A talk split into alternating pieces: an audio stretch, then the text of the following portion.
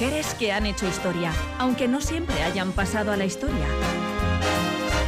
Algunas hoy célebres, otras aún por descubrir. Algunas heroínas, otras villanas, todas singulares. Es tiempo de hacer visible lo invisible.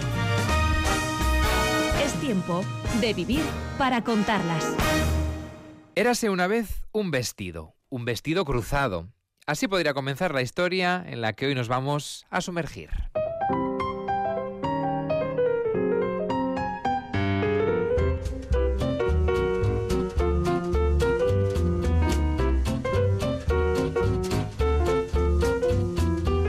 De esta icónica pieza hablamos capítulos atrás cuando nos detuvimos en algunos de los vestidos que por diversas eh, razones han pasado a la historia. Prometimos entonces adentrarnos en la agitada e inspiradora vida de su creadora, Diane von Fürstenberg, diseñadora de origen belga y nacionalizada estadounidense, que se ha ganado además un puesto de honor en la historia de la moda. Edu Rebaz, ¿qué tal? Hola. Hola, bien. Este es un cuento además eh, con final feliz. Sí. ¿Mm? Y vamos a hablar de esta emprendedora carismática, filántropa Dayan, que ha levantado su propio imperio no una sino dos veces. Exactamente, y como piedra angular en ambos casos, una sencilla pero imbatible pieza, el vestido cruzado o vestido envolvente, elegante, funcional, cómodo, versátil, favorecedor y considerado símbolo de la emancipación femenina en la década de 1970. A este respecto, su propia creadora ha afirmado, de pequeña no sabía a qué me quería dedicar, pero sí sabía el tipo de mujer que quería ser, una mujer que podía tener una vida igual a la de un hombre. Hoy, en Vivir para contarlas, érase una vez un vestido.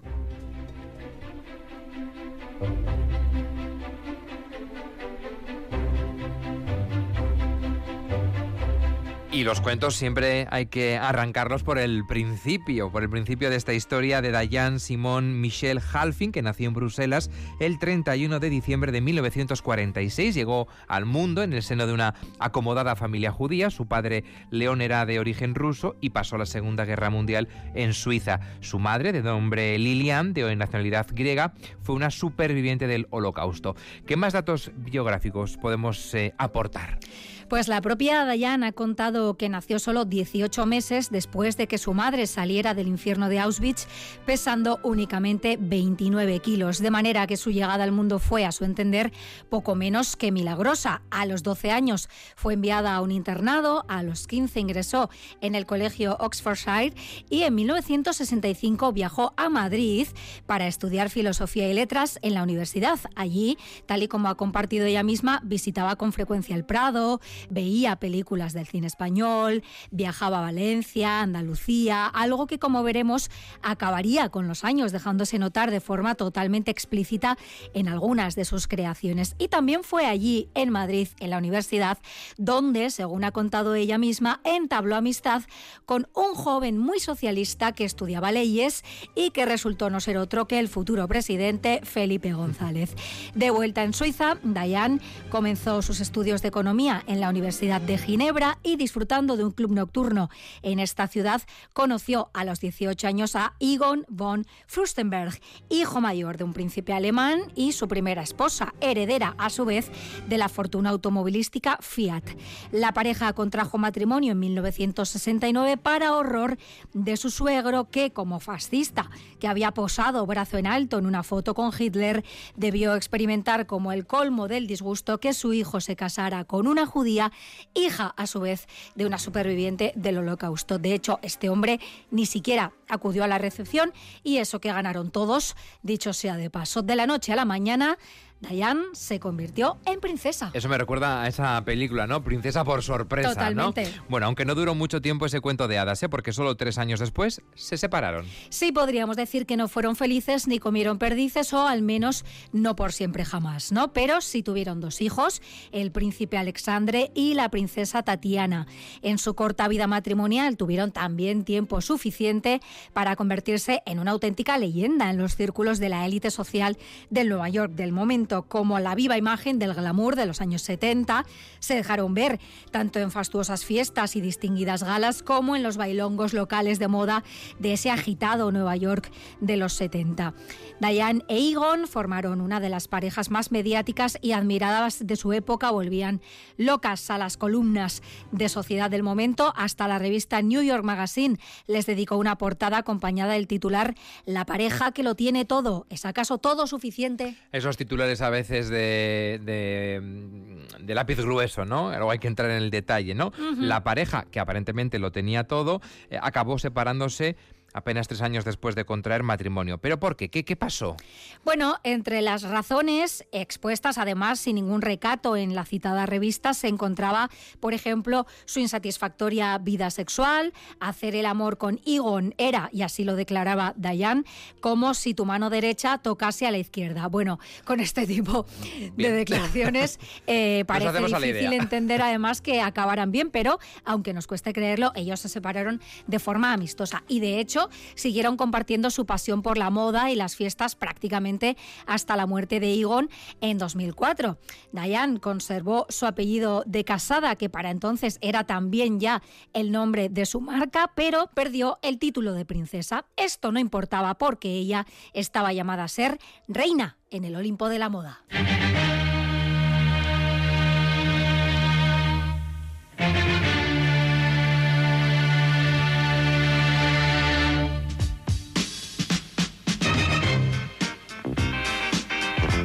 En más de una ocasión, Diane von Fürstenberg ha afirmado que, en cuanto supo que iba a casarse con el príncipe Egon, decidió que debía tener su propia carrera. Quería ser alguien con aspiraciones, ha contado ella después, y no solo una chica cualquiera que se casa con un príncipe. De forma más que reveladora, ha llegado a afirmar que quería vivir la vida eh, de un hombre con un cuerpo de mujer. Es decir, que quería ganar ¿no? su propio sueldo y demostrar su independencia como mujer trabajadora, ¿no? Algo que ahora nos parece normal y, lógico, pero que en aquella época no lo era, tanto, ¿no? ¿Cómo empezó a hacerlo? ¿Cómo empezó a ganarse la vida?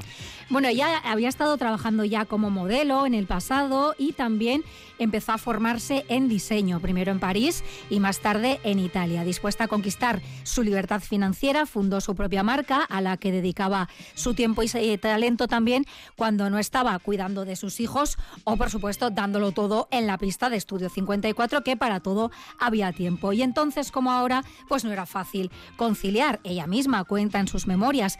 Pasaba mucho tiempo con los niños, cocinando para ellos y sus amigos y a menudo llevando a a urgencias para ver si un corte necesitaba puntos o si un brazo estaba más que amoratado. Durante la semana volví a Nueva York para ser una magnate, atravesando las puertas con mis tacones altos y mis medias de rejilla. En 1970, con un presupuesto inicial de 30.000 dólares, fundó su propia firma de moda femenina en la que apostó por prendas sencillas y pulcras. Y de pronto le sobrevino la gran idea, sencilla y aparentemente obvia como todas las grandes ideas, que claro, hay que tenerlas. Y ella observó que las mujeres combinaban sus blusas cruzadas con faldas del mismo color, de modo que diseñó un vestido basado en esa misma idea. En 1974 presentó la icónica prenda que le abriría las puertas del éxito masivo y que marcaría un antes y un después en los vestidores de las mujeres del momento y de muchas otras después. Hablamos, por supuesto, del vestido cruzado o vestido envolvente. ¿Y cómo es, cómo era ese vestido que ya es un icono de la moda? Pues era y es un vestido cómodo, ligero, confeccionado en algodón o punto, con muy buena caída que se adaptaba de forma muy favorecedora a los contornos de cualquier cuerpo femenino y que además no se arrugaba. Si no puedes enrollarlo y meterlo en una maleta, no es de mi casa, ha afirmado ella misma. También sentaba y sienta este vestido que se suele decir de él que es el retoque de Photoshop hecho prenda. Es conocido como wrap dress o vestido cruzado, vestido envolvente, porque en efecto es así. Como se lleva, se pone como una bata abierta y se ata cruzado en el frente, como una revisión del kimono tradicional. Tiene un corte camisero y generalmente un vistoso estampado, ya sea animal print, de flores, formas geométricas o cualquier otra variedad imaginable. Una de sus grandes virtudes, además de que sienta como un guante, es su versatilidad. En palabras de su propia creadora, esta prenda es como una amiga, una prenda cómplice que lo mismo te sirve para ir a trabajar que para salir a ligar y acabar, dice textualmente, con un hombre en la cama. La legendaria e influyente Diana Brilland, por aquel entonces editora de la revista Vogue y a la que es necesario que dediquemos un episodio específico en otro momento, hizo público el diseño y en menos de un año ya se vendían más de 15.000 unidades a la semana. Y fijaos, podemos hacer un cálculo aproximado del margen de beneficios que se generaba con este vestido. Sí, como se cuenta, costaba menos de 15 euros producir cada uno. Los minoristas los adquirían a 35 euros la pieza y en las tiendas se vendían a casi 70 euros. Ganaban todas las partes aquí. Sacamos aquí la calculadora con las gafas gigantes del 1, 2, 3 y hacemos las cuentitas, ¿no?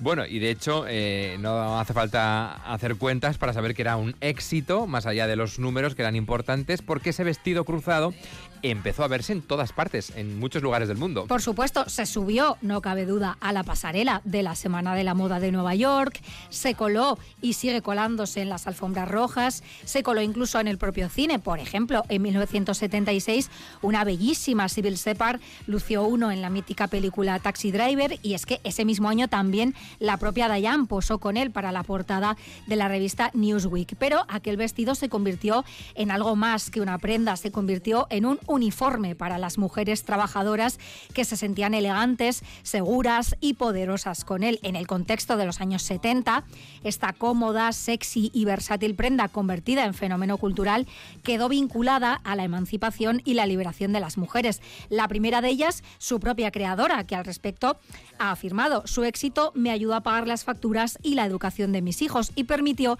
que me hiciera un nombre en el mundo de la moda. No lo digo en sentido figurado, es que literalmente me dio poder e independencia. Sé que yo hice el vestido, ha afirmado en alguna ocasión, pero la verdad es que el vestido me hizo a mí, me dio libertad, independencia y seguridad.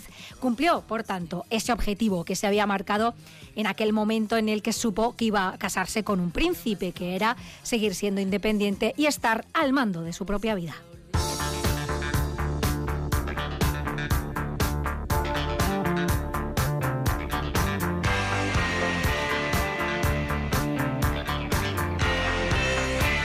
La siempre inquieta Diane von Fürstenberg no se contentó con crear únicamente una línea textil, apostó también por una línea de cosméticos y accesorios. Incluso puso a la venta en 1975 una fragancia que bautizó con el nombre de su hija, Tatiana digamos que el éxito ya era imparable. Era imparable y un poco se le fue de las manos también al diversificar tanto, pues tuvo algún que otro problema con las licencias y pese a que cosechaba un enorme éxito, pues debido probablemente a la falta de experiencia cometió algunos errores y muy a su pesar se vio obligada pues a vender de alguna manera su empresa, ¿no? Pero tras una temporada viviendo en París, volvió a Estados Unidos y a finales de los años 90 decidió volver a probar suerte con el apoyo de su familia, que ya hemos dicho que era una familia acomodada, reanudó su actividad empresarial y relanzó su firma con sus iniciales DVF. ¿Y qué comercializaba bajo esas siglas? Bueno, pues con los errores ya y las lecciones aprendidas, ella siguió diversificando, pero en esta ocasión ya de una forma mucho más controlada y a través de esta firma pues ha lanzado líneas de joyería y cosmética, gafas y pañuelos, ropa para niños, ha decorado hoteles, ha publicado libros, pero la joya de la corona ha seguido siendo siempre, por supuesto, su vestido cruzado o vestido envolvente. Me puso en el mapa cuando empecé y me abrió las puertas del negocio una segunda vez, ha reconocido ella misma. Tan relevante ha sido de hecho su creación en la historia de la moda que uno de sus primeros modelos de este vestido cruzado se exhibe en la actualidad en el Museo de Arte Metropolitano de Nueva York. Por supuesto, también se le han dedicado exposiciones monográficas. En 2009, por ejemplo, se inauguró una en Moscú y en 2014, por citar otro caso, protagonizó una muestra en Los Ángeles.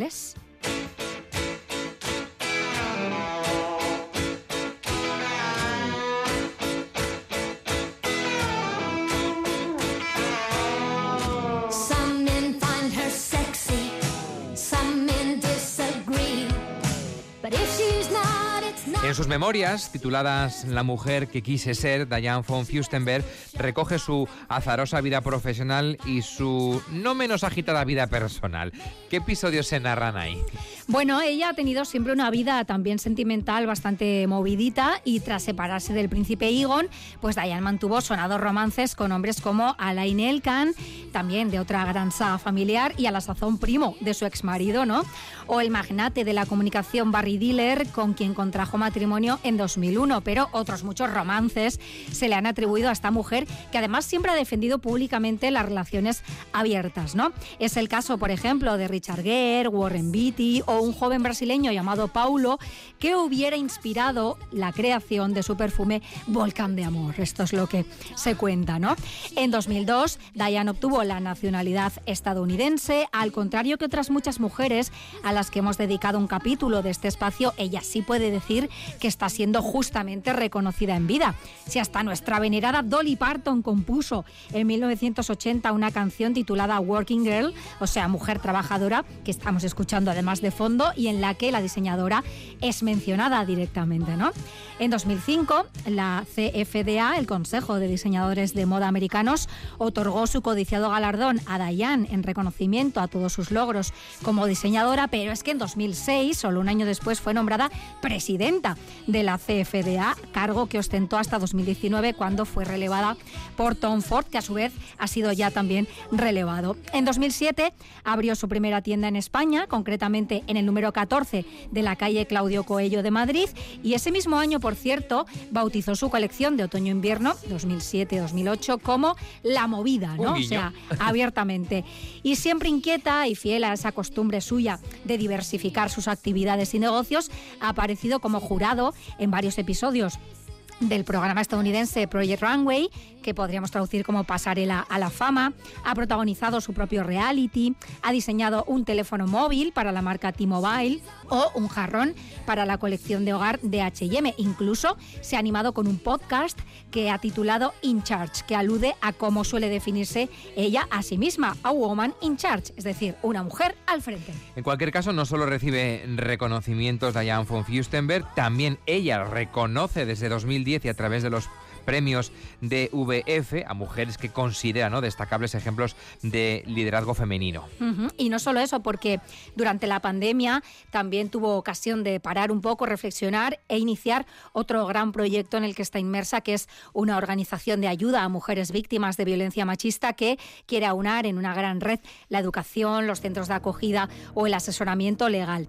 El atemporal vestido cruzado es una pieza que desde que vio la luz a principios de la década de los 70 han lucido y seguirán luciendo probablemente un gran número de mujeres, entre ellas Jerry Hall, Madonna, Sarah Jessica Parker, que lo lució incluso en la serie de televisión Sexo en Nueva York y aparecer ahí ya también consagrarse en el mundo de la moda, o la mismísima Michelle Obama, que lució uno de sus diseños en 2009. También fue su vestido cruzado, fijaos, el primero que se compró Ingrid Betancourt cuando fue liberada tras seis años de secuestro y a partir de ese momento Diane y ella han colaborado en varias ocasiones plenas activa a sus 75 años. La diseñadora no renuncia a seguir expandiendo sus horizontes porque, como ella misma dice, prefiere la palabra vivir a la palabra envejecer. Qué bonito, ¿no? Sí. Mejor vivir que envejecer, claro que sí. Bueno, quienes la conocen eh, mucho afirman que es buenísima dando consejos. Por eso su última aventura, o en su caso es mejor decir, Edurne, eh, de la penúltima, ¿no? Porque siempre tiene otra idea más que poner en marcha. Bueno,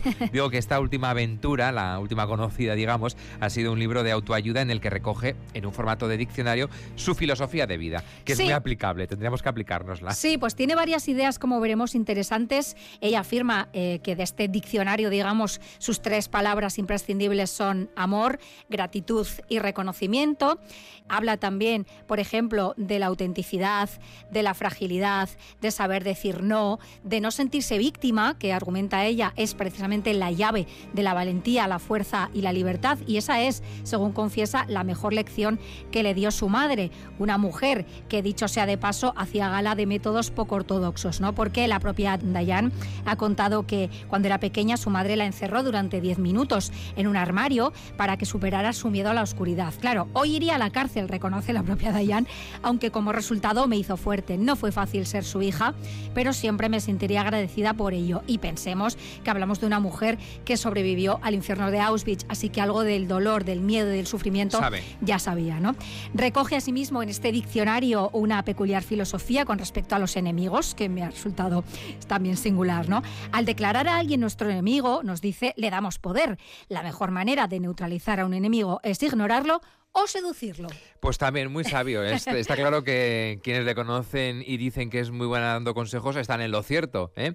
Eh, y así lo, podemos observar y leer en esa última aventura, en ese libro de autoayuda. Me da la sensación, Edurne, de que ya a sus 75 años, con todo lo que ha vivido, es una mujer que ya está de vuelta de prácticamente todo. Sí, y además yo creo que lo sabe y se lo permite, ¿no? Porque a este respecto ella misma ha reconocido muy ufana. Mi actividad favorita es compartir mis experiencias, ser oráculo y a mi edad es algo que me está permitido. Y añade, he tenido una vida plena, no siempre fue maravillosa, he tenido éxitos, pero también fracasos, dificultades, divorcios, cáncer, pero en conjunto ha sido buena. Y trabajando en este libro he visto que el gran secreto es que nunca me he mentido a mí misma.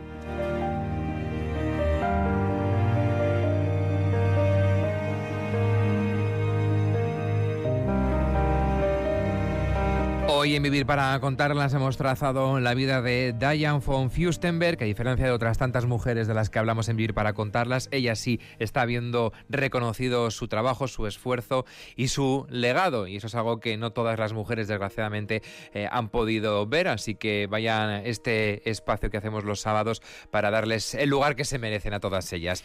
Y de esto se encarga Durnebaz. Eso es, todas ellas son inspiradoras, cada una con sus historias. En este caso, Diane, que levantó su imperio propio no una sino dos veces, cuando perfectamente podría haberse acomodado a su papel de princesa por sorpresa, pero ella quería otra cosa para su vida, quería llevar las riendas. Edurne Maces, que ricasco. Eso, regatic.